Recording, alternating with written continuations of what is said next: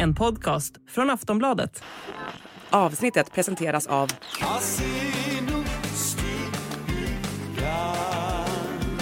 Stödlinjen.se, åldersgräns 18 år. Ja, det är Carina. Ja, hej Karina. Det är Anders här. Jag... Jag kommer ner och öppnar till dig. Ja, men vad snällt. Tack så mycket. Ja, bra. Hej, hej. Vi är i Sundbyberg. Det är en lite gråmulen dag och någon plusgrad. Onsdagen den 14 februari 2024. Snön som fallit dagarna innan börjar smälta av. Vi träffar Karina som jobbar på förskola. Och vi ska prata om det som hände hennes mamma Lisbeth i slutet av förra året. Hon var ju uppvuxen i Hammarbyhöjden. Hon var en av tolv ungar som, från mormor och morfar. Då. Hon fanns alltid där. Hon fanns alltid där till hjälp när mina barn var små. Eh, hon flyttade till Uppsala då när min systers barn var små. Hon har alltid funnits där. Man har kunnat ringa henne om man var ledsen. Eller bara, mamma kan du hjälpa mig att sy upp ett par brallor? För hon var duktig att sy. Och... Men hon var en människa som alltid liksom ställde upp.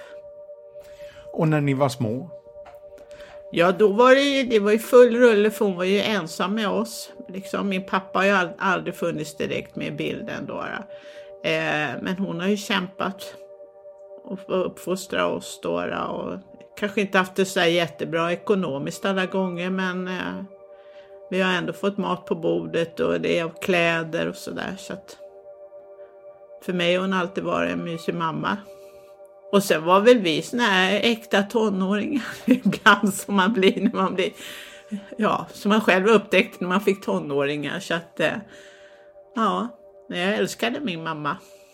Eller älskar henne fortfarande. Mm. Lisbeth hade på senare år fått en del krämpor, men hon kämpade på. Hon var alltid ute och rörde på sig. Och sen framförallt så älskar hon ju att vara med oss och sen som nu så går ju fram emot att få sitt fjärde barnbarnsbarn. Så att, eftersom jag ska bli mormor igen. Det, det, liksom, det var ju hennes grej då. då. Just att umgås med barn, barnbarn och barnbarnsbarnen var något som förgyllde Lisbets tillvaro. På somrarna brukade alla umgås på platsen där Lisbet själv var mycket som ung. Vi lyckades köpa tillbaka vårat, det landstället vi har. Det är ju det som min morfar har byggt. Så det är deras landställe och det var hon jättelycklig. Så det var en sak hon såg fram emot att åka till Rådmansö och vara där med oss på landet och, och liksom komma ihåg minnen därifrån. Karina berättar att de hade en nära och varm relation. Att de hördes av en, två gånger i veckan på telefon. Men planen var att de också skulle försöka ses lite oftare. Lisbeth ville flytta tillbaka till Stockholm men det var svårt att få till ett lägenhetsbyte. Och så ibland kände hon sig ensam då, då nu. Det var ju därför hon ville flytta till, tillbaka till Stockholm. För att de, hon har haft kompisar och sådär, de har ju gått bort i Uppsala där. Och, och sen började hon ju känna sig lite... Hon kände ju av klimatet, att det var annorlunda. För det händer ju mycket saker i Gottsunda. Eh, så att... Eh, Vad tänker du på? Jo men det har ju varit mycket våld och, och sådär. Det är ju så en annan har känt också att nej jag vill inte ha min mamma i Uppsala.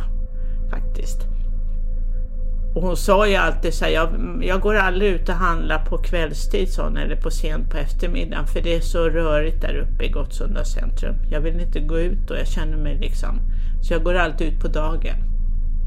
Sista gången de hördes av på telefon var den 2 december 2023. Då ringde hon till mig också på morgonen och önskade mig grattis på födelsedagen. Liksom så här. Och sen hann vi inte mer. Så den åttonde var hon ju borta.